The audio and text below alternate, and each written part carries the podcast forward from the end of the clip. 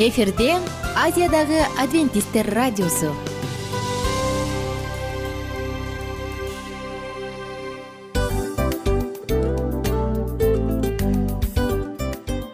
Достор салют.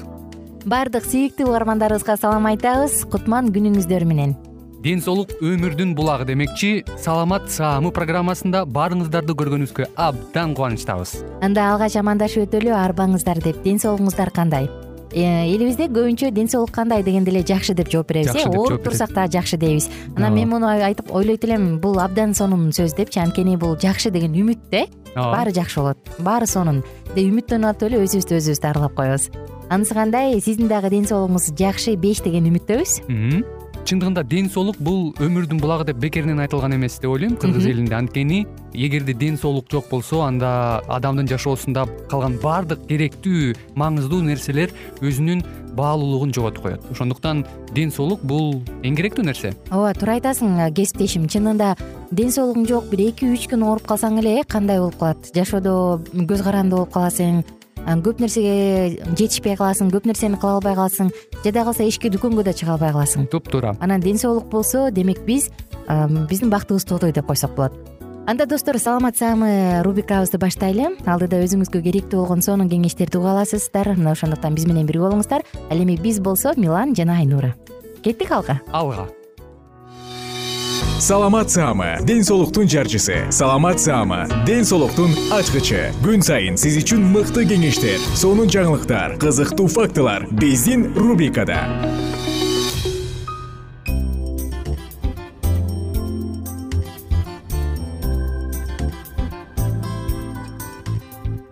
кутман күнүңүздөр менен кадырлуу замандаштар достор жалпыңыздар менен амандашып саламдашып алып биз жагымдуу саатыбызды баштадык.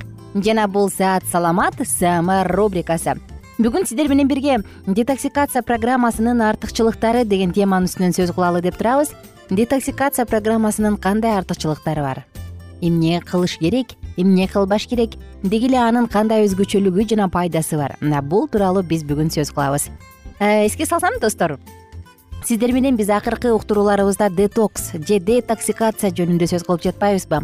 Негизи эле бул цикл пайдалуу суусундуктар деп аталган цикл ошондуктан ар бир орган ар бир дартта кандай даба болот эмнени ичиш керек эмнени жеш керек? Кайсы мөмө жашылчаларда мөмө жемиштерде дан азыктары жашылчаларда витаминдер көп. Кандай витаминдер бар? Мына бул тууралуу биз сонун сөз кылып жатабыз. Анан албетте жашылча мөмө жемиштердин туура айкалышынан жасалган смузи напиток суусундуктар ширелер бульон кайнатмалар тундурмалар мына булардын баардыгы биздин ушул уктурууларыбызда. Бүгүн дагы сиздер менен сонун теманын үстүнөн сөз кылабыз. Анда угармандар детоксикациянын кандай артыкчылыктары бар? Бул тууралуу алдыда кенен сөз кылалы. Биз менен бирге болуңуздар сөз. Же детокстун артыкчылыгы. Эң эле биринчи кезекте биз баса белгилей кетишибиз керек бул нерсе адамдын жашоосуна ден соолугуна абдан чоң пайда алып келет. Жана адамга жаңы энергия жашоого күч кубат берет. Биринчи эми биз анын пайдачылыгы. Биринчиси семирүү менен күрөшөт. Кадимки эле семирүү менен. Соктор смузилер чөп чайлар тазалоочу бульондор шорполор булардын баардыгы тең организмден токсиндерди алып чыгат. Демек кайсы токсиндер көбүнчө май ткандарында сакталып топтолуп калган токсиндерди алып чыгат.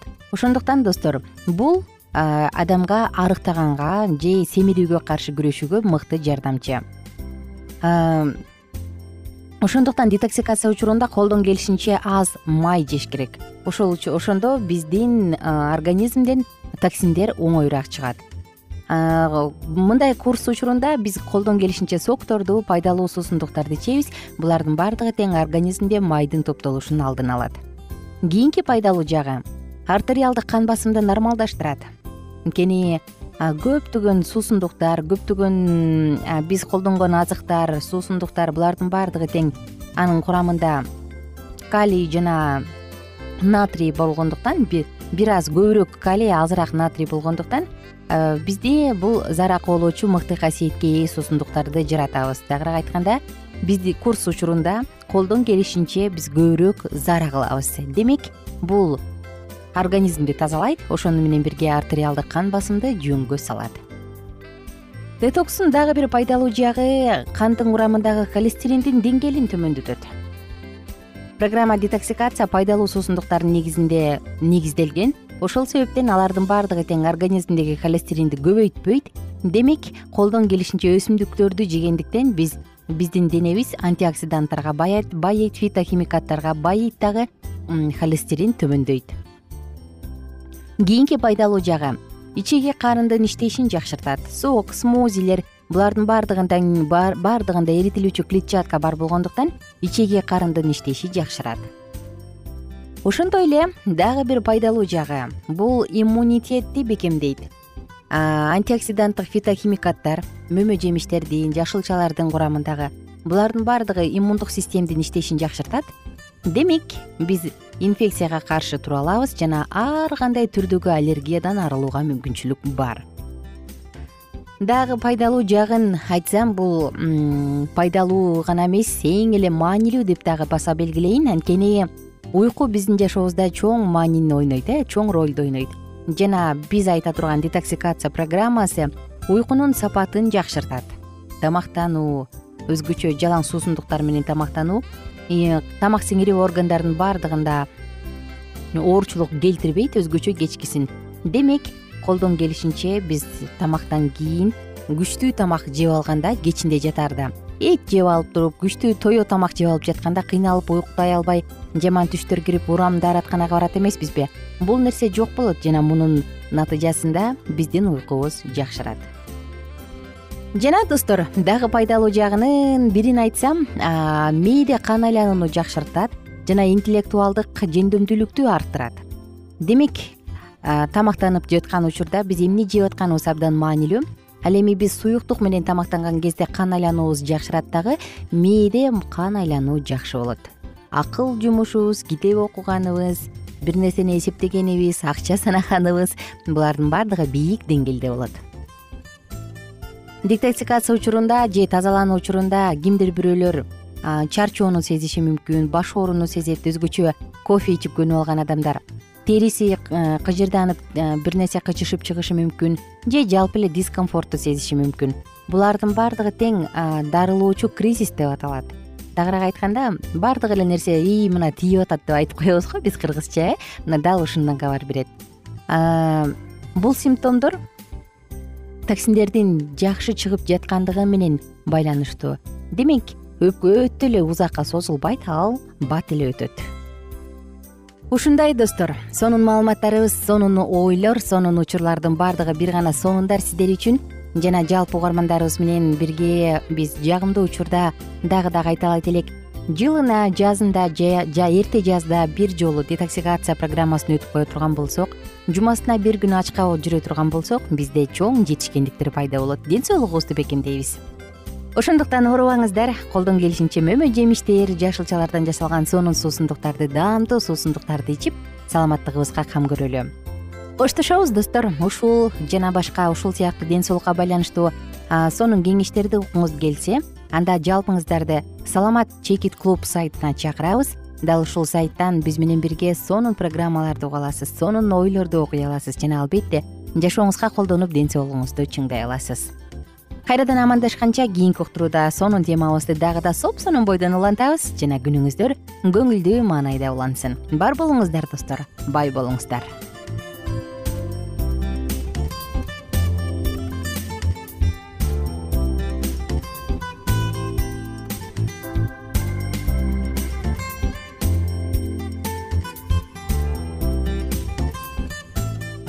кененирээк маалыматтар үчүн үч w чекит саламат чекит клуб сайтына келип таанышыңыздар. Жана андан тышкары социалдык тармактарда youtube facebook жана instagram баракчаларына катталыңыз. Саламат саама ден соолуктун жарчысы. Саламат саама ден соолуктун ачкычы. Күн сайын сиз үчүн мыкты кеңештер сонун жаңылыктар кызыктуу фактылар биздин рубрикада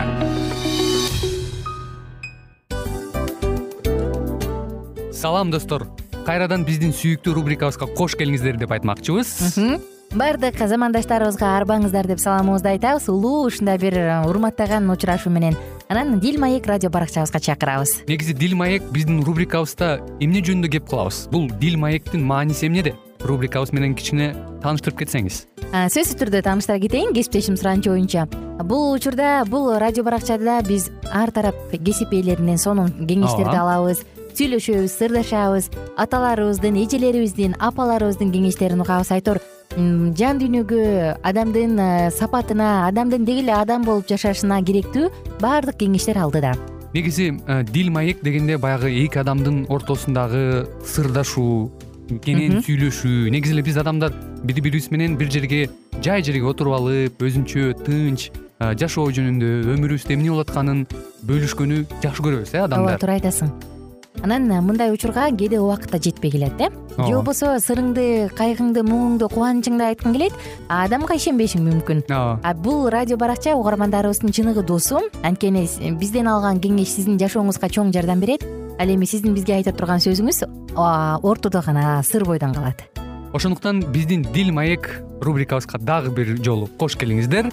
Жана биз даярдаган маалыматтарга даяр болуңуздар. Айнура жана милан сиздер менен бирге алдыга кеттик ар түрдүү ардактуу кесип ээлеринен. Алтын сөздөр жүрөк ачышкан сыр чачышкан сонун маек. Дил маек рубрикасында.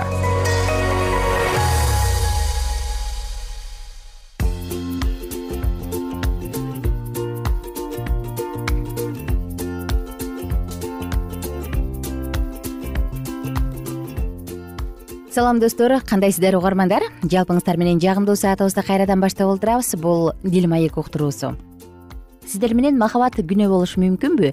Деген теманын үстүнөн дагы да сөз кылып жаткан чагыбыз. Ошондуктан жаштар үчүн маанилүү керектүү болгон темалардын бирин сиздерге сунуштайбыз. Ооба чындыгында кайсы бир нерсе өтө ачык өтө эле мындай уятсыздай сезилиши мүмкүн бирок жашоого тийгизген таасири жашообуздагы орду маанилүү болгондуктан биз бул теманын үстүнөн сөз кылалы дедик. Анда достор бүгүнкү темабыз биринчи жардам деп аталат кымбаттуу досум мени өтө толкунданткан катың үчүн сага чын жүрөктөн ыраазымын. Өзүңдүн муктаждыктарың менен көйгөйлөрүңдү жашырбай ачык жазгандыгың үчүн да ыраазымын. Өзүн өзү канааттандыруу көйгөйүн бир нече барактын бетине толтура жазылган кеңеш менен чечүү мүмкүн эмес экендигин түшүнүп турсам да сага жардам берүүгө аракет кылып көрөйүн. Сен өзүңө рухий жардам бере ала турган тажрыйбалуу бир тууган менен жекече сүйлөшө алсаң эң сонун болор эле. Бирок өз көйгөйлөрүңдү мага ишенип айтканыңдын өзү эле сенин бошонууну карай кадам таштаганың болуп эсептелет. Шайтан сенин бул жашыруун сырыңды мындан ары да эч кимге айтпай сактап жүрө берүүңдү абдан каалаган сенин ачыкка чыкканың ал үчүн сөзсүз түрдө жагымсыз. Эми сенин көйгөйүңө карата бир нече кеңеш берейин. Албетте ал кеңештер панацея эмес бирок сен үчүн алгачкы кичинекей жардам боло алат деп үмүттөнөм. Жыныстык мамилелер кудайдын белеги. Өзүңдүн жыныстык инстинктиңди жеңишиң керек болгон душман сыяктуу караганың мени бир аз тынчсыздандырат. Эң негизги кыйынчылык так ушунун өзүбү деп чочулап турам. Анткени бул кыйынчылыкты жеңүүдө ишенген үй бүлөдө чоңойгон жаш жигиттердин көпчүлүгүндө көйгөйлөр келип чыгат. Жыныстык мамилелер кандайдыр бир шектүү качып кутулгус жаман нерсе эмес. Бул сенин организмиңе жаратуучуң тарабынан салынган белек.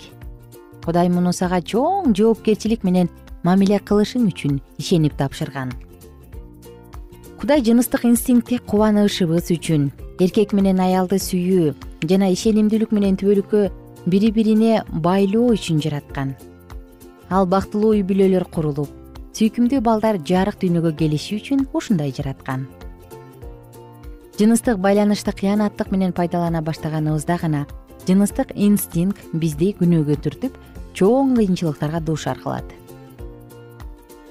сага жыныстык инстинкт берген үй бүлө курганга чейин өзүңдү кармооңду тыюуңду күткөн кудай сенден мүмкүн эмес нерсени талап кылбайт. Албетте ар кандай дүүлүктүргүчтөргө толгон азыркы заманда өзүңдү кармоо оңой эмес. Бирок ал сага жыныстык инстинктти башкара билүү жөндөмдүүлүгүн да берген. Сенин күрөшүңдө эч кандай өзгөчө нерсе жок. Мындай көйгөйлөр ден соолугу чың ар бир жаш жигитте болот. Бирок жыныстык инстинкттин өзү жөнүндө өзгөчө билдирип жаткандыгы үчүн сен өзүңдү оорулуумун нормалдуу эмесмин же дагы ушул сыяктуумун деп ойлобо өзүн өзү канааттандыруу күнөө а түгүл жыныстык күчтүү инстинкт да сага өзүңдү өзүң канааттандыруу үчүн сексуалдуулукту кыянаттык менен пайдалануу укугун бербейт сен мунун кудай менен болгон мамилелериңе тоскоол болгондон башка пайдасы жок экендигин жеке тажрыйбаңдан улам билдиң. Өзүн өзү канааттандыруу менен мамилелерди начарлатып эле тим болбостон. Өзүмчүл болууга түртүп практикалык жашооңо терс таасирин тийгизет психологдордун анонизм убакытты көңүлдүү кызыктуу өткөрүү анонизмди эртерээк баштаган жаш жигиттер кечирээк баштагандарга караганда потенцияны көпкө чейин сактай алышат деп айтышканы жалган. Туура себептер менен өзүн тыюу денеге да жанга да эч качан зыян алып келген эмес. Тескерисинче кандай гана пайда алып келет? Спортто искусстводо ишкердүүлүктүн интеллектуалдылык чөйрөсүндө анда бетер ыйсанын артынан ээрчүүдө. Өзүн өзү тыюусуз чоң ийгиликтерге жетүү мүмкүн эмес. Жарышка катышуучулардын баары өздөрүн баардык жагынан тыйышат. Бирөөлөр жок боло турган таажы алыш үчүн ошентишет. Ал эми биз сулубас таажы алуу үчүн ошентебиз деп жазылган биринчи корунттуктар тогуз жыйырма беште. Белгилүү табият изилдөөчү уайлдер смит бул боюнча мындай деп жазган өзүн тыйганды билбеген ар кандай кумарга анын ичинен жыныстык кумарга жан талашкан эл кыйроону көздөй өтө тездик менен бара жатат. Кумардан баш тарта албаган эл чоң жетишкендиктерге жеткидей энергия топтой албайт. Эс тартыңдын баары эле өзүңдү өзүң канааттандыруу менен күрөшүүдө болбосун. Өзүн өзү канааттандыруу муктаждыгы жана аны менен күрөшүү сенин өзүң менен гана өзүңдүн көйгөйлөрүң менен гана алек болууга дуушар кылышы мүмкүн. Ушул көйгөйдө бүт көңүлүңдү буруу бүт күчүңдү жумшоо аны мурункудан да чоң кылып коет. Шайтан ишке адегенде дайыма айыпсыз түр бергенге аракет кылат. Бирок адам күнөө кетиргенден кийин күнөөнү аябагандай чоң кылып көрсөткөндүктөн адам оңой эле үмүтүн үзүп айласы кетет. Рухий жашообуздагы баардык ооруларыбыздын эң мыкты дарысы ыйса машаякты кароо зарыл эгерде ал жашообуздун негизи болуп калса көйгөйлөрүбүз биз үчүн өтө чоң мааниге ээ болбой аны чечүү менен гана алек болбой калабыз. Анын даңкын кароо аркылуу күнөөнү жеңгидей күч алабыз. Достор биз ушул жерден бүгүнкү уктуруубузду токтотолу жана сиздер менен кийинки уктурууда теманы андан ары улантабыз. Сөзсүз түрдө адам баардык нерседе өзүн жеңе алат. Өзүн жеңген адам күчтүү деп коет эмеспи ошондуктан жаштар сиздерге жаратуучубуз өзгөчө күч өзгөчө акылмандуулук берсин бул жаатта дагы. А мен сиздер менен коштошом. Кийинки уктуруубузда теманы андан ары улантабыз. Кийинки уктурууда дагы да маанилүү сонун кеңештер айтылат деп ишенем. Ошондуктан биздин жыштыктан алыстабаңыздар.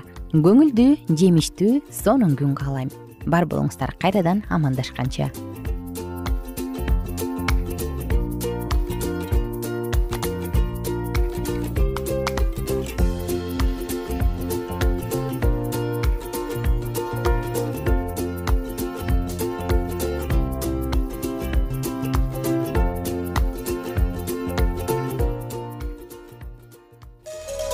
ар түрдүү ардактуу кесип ээлеринен. Алтын сөздөр жүрөк ачышкан сыр чачышкан сонун маек. Бил маек рубрикасында.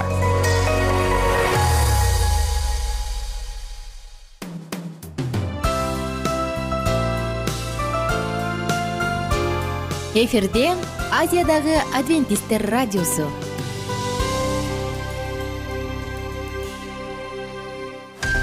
жан дүйнөңдү байыткан жүрөгүңдү азыктанткан жашооңо маңыз тартуулаган жан азык рубрикасы.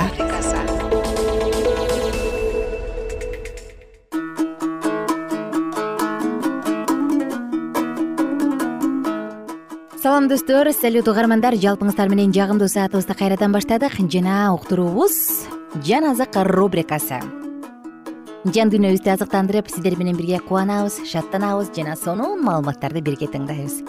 Бир аз мурунку октурууларда кайтсак биз сиздер менен бирге рут китебин окуп жатканбыз. Жана руттун тагдыры кандай болгон? Ал ким болгон? Мына бул тууралуу сонун маалыматтарды окуганбыз. Нами маап жерине барат. Ал жактан күйөөсүнөн эки уулунан ажырап эки келини менен өз элине кайтат. Жолдон келиндерине баргыла кыздарым башыңар бош күйөөгө тийип өзүңөргө баш пааник тапкыла бактылуу болгула деп батасын бергенине карабастан анын улуу келини орпа коштошуп кетет бирок рут сен кайда барсаң мен ошол жерге барам. Сенин кудайың менин кудайым болот деп анын артынан ээрчип келет. Жөн гана ээрчип келип кайненесине жүк болбостон рут эртеден кечке талаада машак терип арпа терип кайненесин дагы өзүнүн дагы кардын толтурат анан ал бууз деген адамдын талаасынан арпа терип калат. Бууз менен таанышып оору жыюу маалы бүткөнчө дал ушул талаада арпа терет. Эми бүгүн андан ары улантабыз. Рут үчүнчү бөлүм. Анан ага кайненеси наами мындай деди. Кызым өзүңө жакшы болуш үчүн башпаана тапсаң кантет сен кызматчы аялдары менен болгон бууз биздин тууганыбыз. Ал ушул түнү кырманда арпа сапырат. Жуунуп жыпар жыттуу май сүйкөнүп жакшы кийимиңди кийип кырманга бар. Ал жеп ичип бүткөнчө көзүнө көрүнбө. Ал уктаганы жатканда кайсы жерге жатканын бил да барып бут жагын ачып жатып ал. Ал сага эмне кылууну айтат рут ага мен сенин айтканыңдын баарын кылам деп жооп берди. Рут кырманга барып кайненеси айткандай кылды. Бууз ичип жеп көңүлүн көтөргөндөн кийин үймөктүн жанына барып жатты. Ошондо рут акырын келип анын бут жагын ачып жатып алды.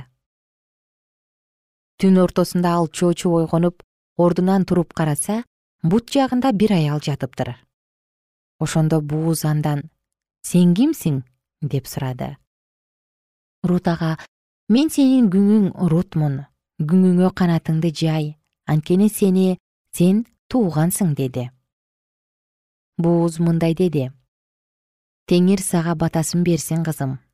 Сен жакырлар менен байлардын арасынан жаш адам издеген жоксуң. Бул кылганың мурунку ишиңден да жакшы болду ошондуктан коркпо кызым сен айткандын баарын жасайм.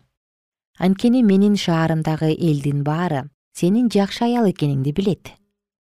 Менин бир тууган экеним ырас бирок менден да жакын тууганың бар. Бул түнү ушул жерде түнө эртең эле эгерде ал тууган сени кабыл алса анда жакшы болот кабыл алсын. Эгерде ал сени кабыл алгысы келбесе анда мен өзүм кабыл алам. Теңир тирүү таң атканга чейин жата тур. Ошентип ал таң атканга чейин анын бут жагында жатты. Анан ал бири биринин өңүн ажырата алган убакка чейин эле туруп кетти. Бууз кырманга аял келгенин билишпесин деди. Анан рутка үстүңдөгү сырт кийимиңди бер аны кармап тур деди. Ал кармап турду ошондо бууз ага алты ченем арпа өлчөп ийнине салып берди.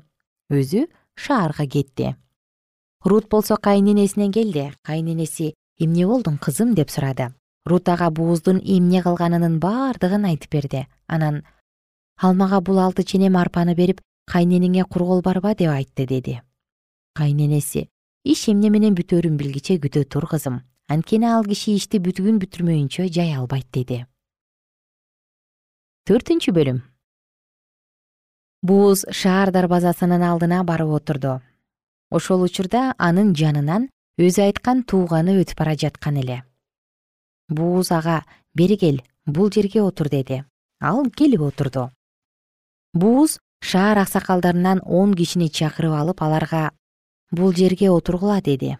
Алар отурушту. Ошондо бууз жакын тууганына маап талааларынан кайтып келген наами биздин тууганыбыз эле мелекке таандык жердин бир бөлүгүн сатып жатат. Сенин кулагыңа угузайын айтайын деп чечтим. Бул жерге отургандардын жана элимдин аксакалдарынын көзүнчө аны кунун төлөп кайрып ал. Эгерде кунун төлөп кайрып алгың келсе кайрып ал. Андай кылгың келбесе мага айт мен билгидей болоюн анткени сенден бөлөк эч ким кунун төлөп кайрып ала албайт.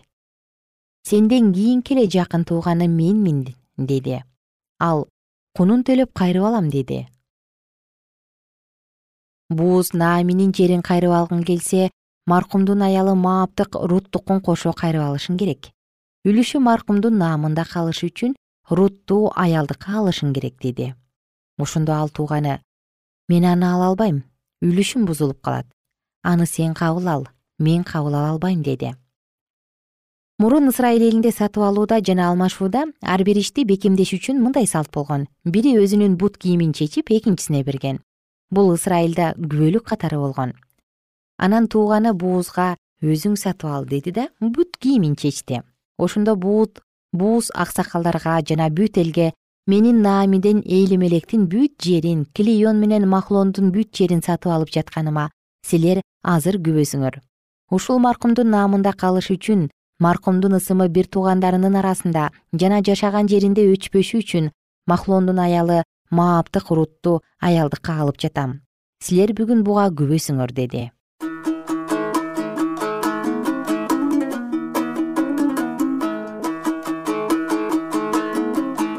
мынакей достор абдан кызык чечишүү өзүнчө бир өзгөчө келишим өзүнчө сүйлөшүү э?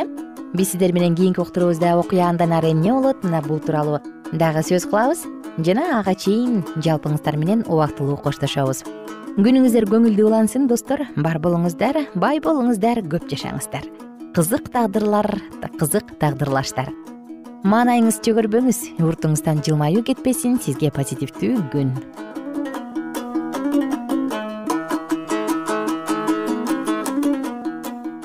эгер сиздерде суроолор болсо же көбүрөөк маалымат билем десеңиз анда биздин whatsapp номерибизге жазыңыз. Плюс бир үч жүз бир жети жүз алтымыш алтымыш жетимиш. Кайрадан плюс бир үч жүз бир жети жүз алтымыш алтымыш жетимиш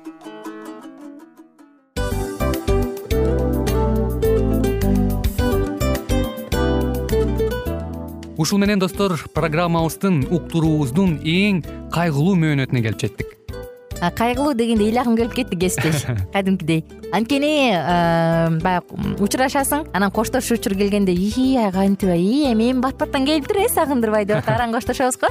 Анысы кандай угармандарыбыз менен коштошчу учур келди кийинки уктурууларды сагыныч менен жүрөгүбүздө кусалык менен күтөбүз жалпыңыздарды анан жарым сааттык уктуруу көз ачышым канча өтүп кетти. Сөзсүз бирок бизде жакшы кабар бар. Кийинки уктурууларыбызда сөзсүз дагы кезигишебиз. Анткени биз көптөгөн сюрприздерди кызыктуу маалыматтарды жана керектүү керектүү нерселердин көбүнчөсүн даярдадык. Андай угармандарыбыздын баардыгына ийгиликтүү күн каалайбыз эгерде бүгүнкү күнүңүз өзгөчө э, өтүшүн кааласаңыз анда позитивдүү ой жүгүртүп жылмайып жакындарыңызга жакшы маанай тартуулап жүрө бериңиз. Анткени сөзсүз түрдө мунун арты кайтат э? Сөзсүз. Баягы ден соолугуң оңолот ал бул деп көп нерсени санап келебиз эң негизгиси бул сиздин жашооңузду жаркын кыла түшөт экен. Жараткан кудай ар бирөөңүздөргө батасын берсин жашооңуз ийгиликтүү болсун сак саламатта калыңыздар деп мен милан жана кесиптешим айнура. Баардыгыңыздар менен кийинки уктурууда үн алышканча. Баарыңыздарга ийгилик каалайбыз